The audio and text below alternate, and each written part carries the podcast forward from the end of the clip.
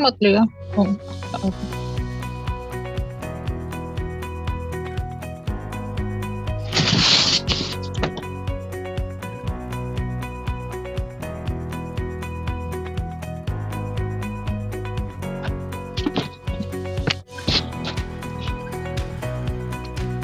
Assalamualaikum warahmatullahi wabarakatuh.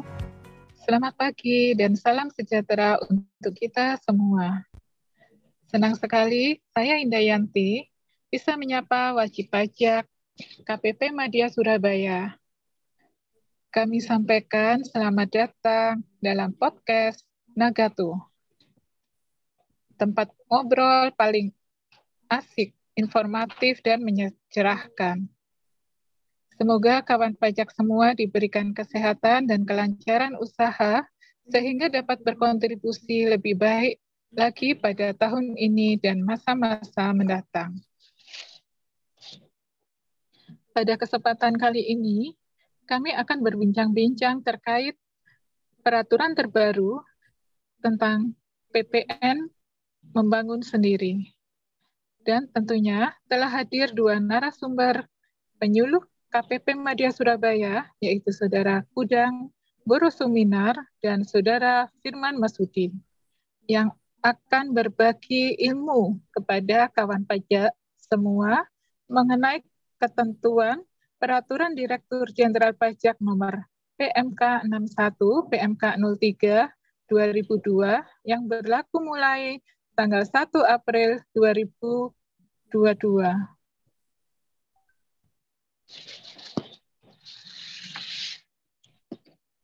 telah hadir di sini Pak Firman dan Pak Gudang.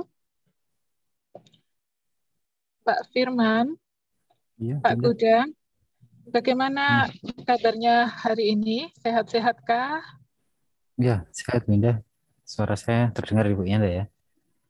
Ya, saya semoga semua para pendengar podcast ini juga diberikan kesehatan sehingga juga bisa untuk berkontribusi kepada negara ke depannya. Terima kasih Bu Indah. Ya, cek cek. Suaranya jelas ya. Cek cek. Ya, uh, terima kasih Bu Indah. Kabar sehat selalu ya. Terima, uh, meskipun kondisi pandemi ini lagi agak naik gitu ya, tapi tidak mengurangi semangat kita untuk selalu uh, apa namanya berkarya gitu ya. Terutama ini kan semakin banyak peraturan terbaru, maka kita akan semakin semangat ini. Betul ya Pak Firman ya. Iya, ini masih iya, benar. Ke depannya infonya ini ada banyak peraturan lagi nih Pak Firman. Iya, ya. siap. Iya. Semoga. Iya, Pak Gudang apa latar belakang dan tujuan diterbitkannya PMK 61 PMK 03 2022. Baik. Uh, jadi kawan pajak Kayu Mada Surabaya tentu saja uh, kita sudah mengetahui bersama adanya PMK 61 ya tentang PPNKMS. Nah, di sini beberapa hal yang melatar belakangi yaitu pertama tentunya kita, uh, eh, dari pemerintah ingin berikan kepastian hukum dalam pengenaan PPN atas kegiatan bangun sendiri. Kemudian juga mendorong peran serta dari masyarakat dalam pembayaran PPN atas KMS tersebut. Kemudian berikutnya yaitu memberikan kemudahan dan penyederhanaan administrasi perpajakan dan penyelarasan dengan peraturan di atasnya. Kemudian memberikan rasa keadilan dalam pengenaan PPN atas kegiatan membangun sendiri. Dan yang terakhir, uh, melaksanakan ketentuan pasal 16C dan 16G huruf I Undang-Undang PPN. Jadi itu kurang lebih uh, latar belakang diterbitkannya peraturan ini. Terima kasih Pak Gudang. Uh, Pak Firman, saya ingin nanya, ruang lingkup PPN kegiatan membangun sendiri itu apa saja ya Pak? Ya, baik. Terima kasih Bu Indah.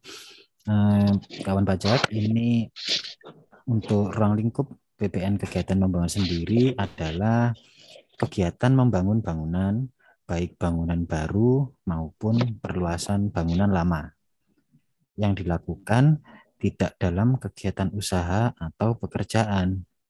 Oleh siapa? Yaitu oleh orang pribadi atau badan.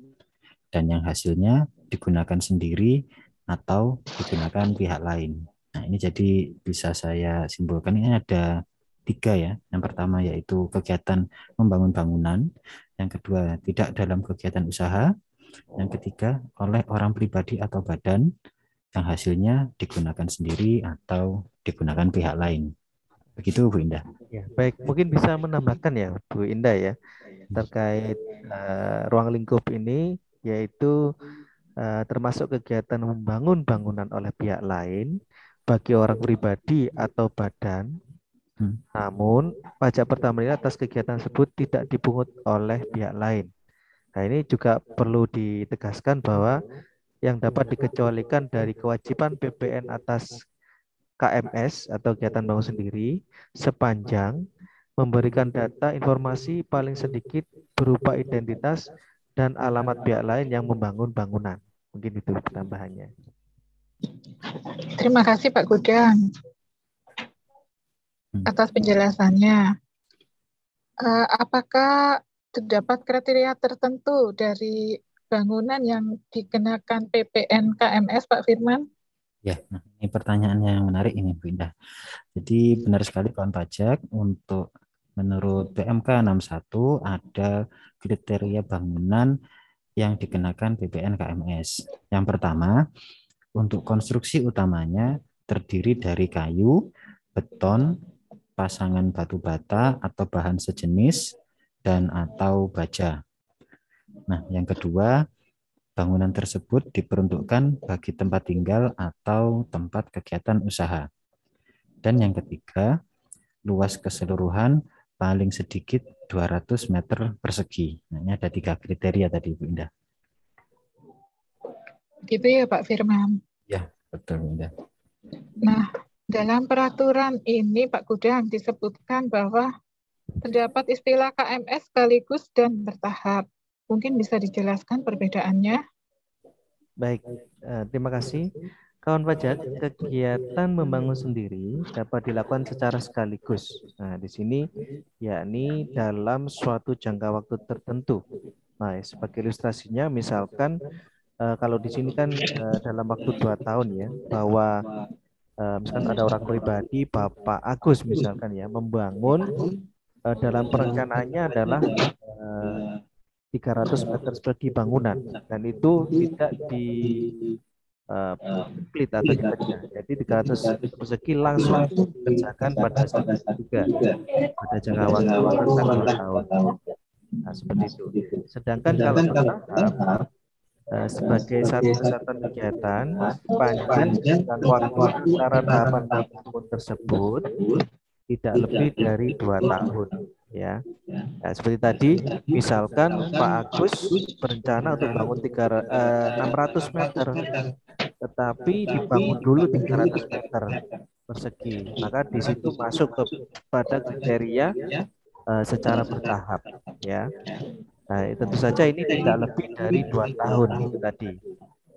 Nah, kemudian dalam waktu antara tahapan kegiatan tersebut lebih dari dua tahun, maka kegiatan tersebut merupakan kegiatan membangun bangunan yang terpisah. Ya, jadi kalau sudah lebih dari dua tahun itu dianggap uh, tidak menjadi satu uh, apa namanya kesatuan gitu ya, terpisah. Mungkin itu. Uh, begitu ya Pak ya.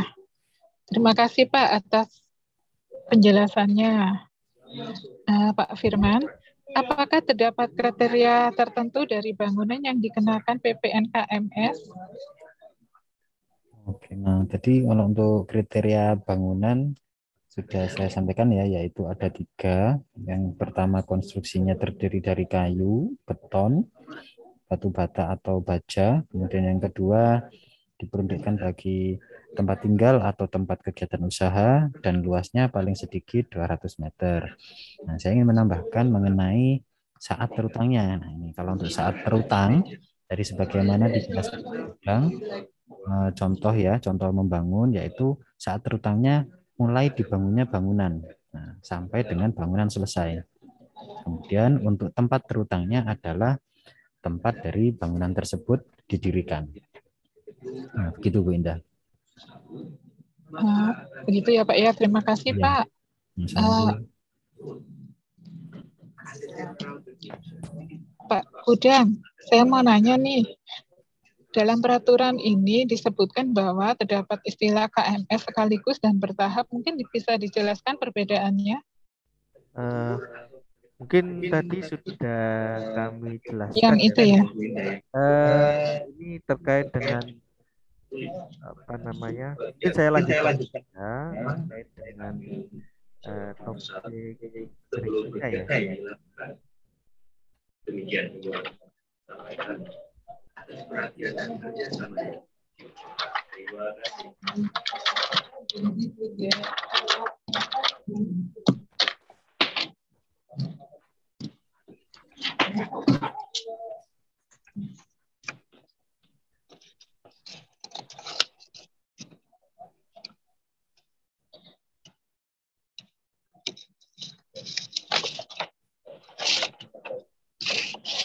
Berkaitan dengan perhitungan PPN.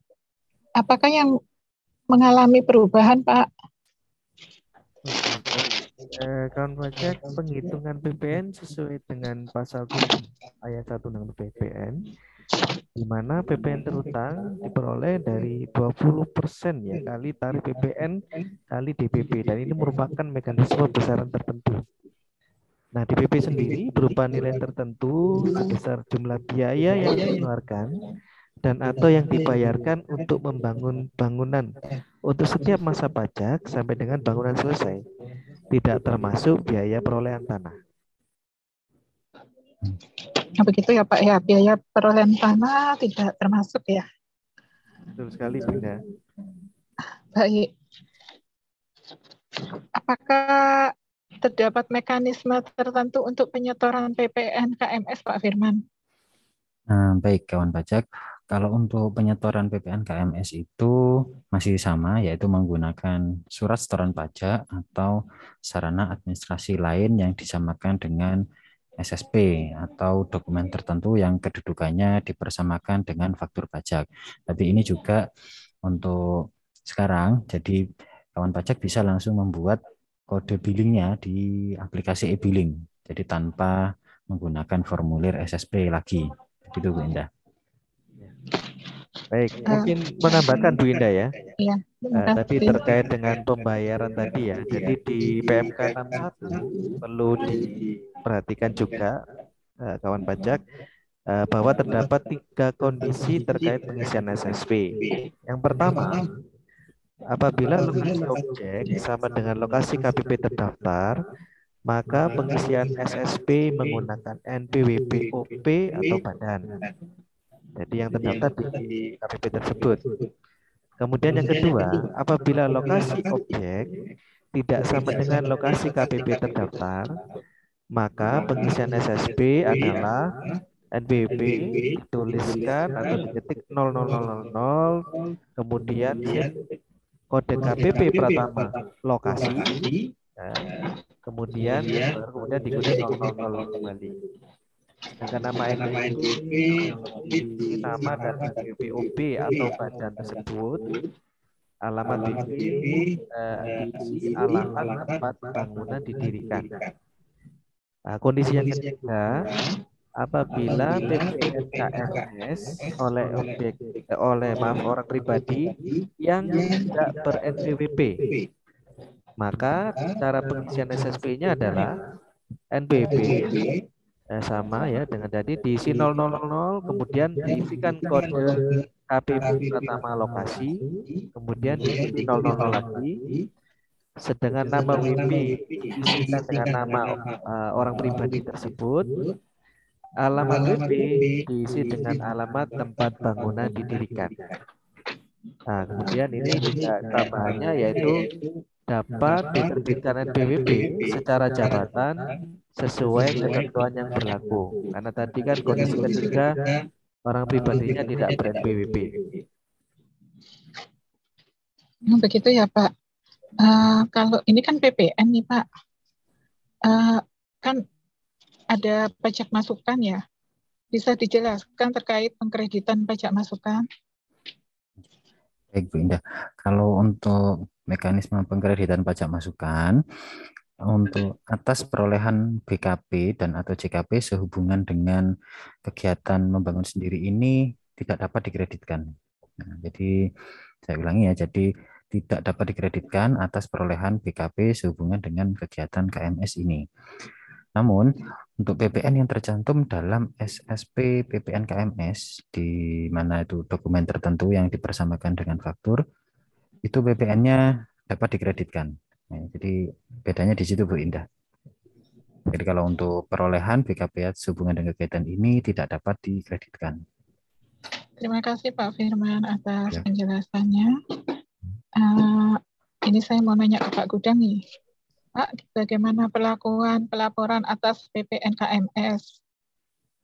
Baik, uh, baik sekali pertanyaannya. Jadi uh, di sini bagi WP yang non ketika WP melakukan penyetoran BPN, maka sudah dianggap melaporkan. Ya, sekali lagi untuk WP yang non PKP, ketika WP melakukan penyetoran BPN, maka sudah dianggap melaporkan.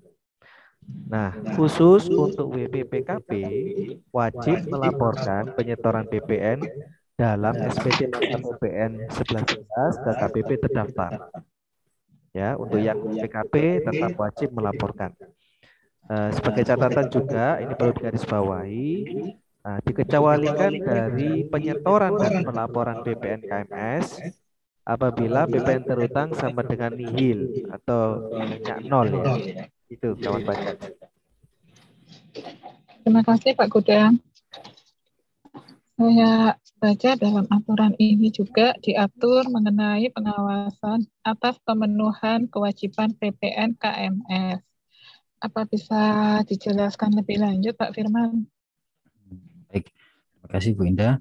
Nah, benar sekali, kawan pajak. Di aturan ini juga mengatur tentang pengawasan atas pemenuhan kewajiban BPN-nya. Untuk pengawasan ini nantinya bisa diterbitkan surat himbauan oleh AR dalam apabila ada kondisi seperti ini. Yang pertama, wajib pajak atau berupa OP atau badan tidak melakukan penyetoran dan atau pelaporan BPN atau wajib pajak sudah melakukan penyetoran atau pelaporan namun berdasarkan data yang dimiliki dan diperoleh Direktur Jenderal Pajak ternyata masih terdapat BPN yang kurang dibayar dan atau dilaporkan. Nah, kedua hal ini nanti akan diterbitkan surat himbauan dari AR sebagai sarana pengawasan BPN KMS. Nah, ada satu pertanyaan lagi dari saya terkait perlakuan PPN KMS yang terhutang sebelum PMK 61 terbit seperti apa ya Pak? Baik, eh, kawan pajak terkait dengan penghitungan, penyetoran, dan pelaporan PPN terhutang sebelum masa April eh, 2002 adalah sebagai berikut. Yang pertama, berdasarkan PMK 163 dari 2012 apabila PPN terutang disetor sebelum PMK ini mulai berlaku maka kemudian yang kedua berdasarkan PMK ini yaitu PMK 61 tahun 2022 apabila PPN terutang disetor sejak PMK ini mulai berlaku. Jadi ada uh, dua kondisi ya. Jadi bisa menggunakan mekanisme PMK 163 dan juga PMK 61. Ini seperti itu. Uh, berarti secara garis besar bisa kita buat ringkasan ya Pak. Tidak terasa kita sudah sampai di penghujung acara. Beberapa hal yang dapat kami simpulkan dan penting untuk diperhatikan oleh kawan pajak KPP Madya Surabaya sehubungan dengan diterbitkannya PMK 61 garis miring PMK 03 garis miring 2022 tentang PPN KMS yang berlaku per 1 April 2022 Maka terdapat kepastian hukum dalam PPN atas kegiatan membangun sendiri, penyederhanaan dalam penyetoran dan pelaporan PPN, memberikan rasa keadilan pada wajib pajak terkait PPN KMS, serta sebagai instrumen untuk melaksanakan ketentuan pasal 16D dan pasal 16G huruf I Undang-Undang PPN. Kawan pajak, demikian ulasan PMK 61 garis miring PMK 03 garis miring 2022 tentang PM, PPN KMS. Terima kasih telah mendengarkan episode podcast Nagato minggu ini. Untuk update peraturan atau aplikasi lainnya, atau jika kawan pajak ingin menghubungi kami, silakan kunjungi Telegram KPP Madya Surabaya at Pajak Madya Surabaya. Sampai jumpa. Wassalamualaikum warahmatullahi wabarakatuh. Pajak kuat Indonesia maju.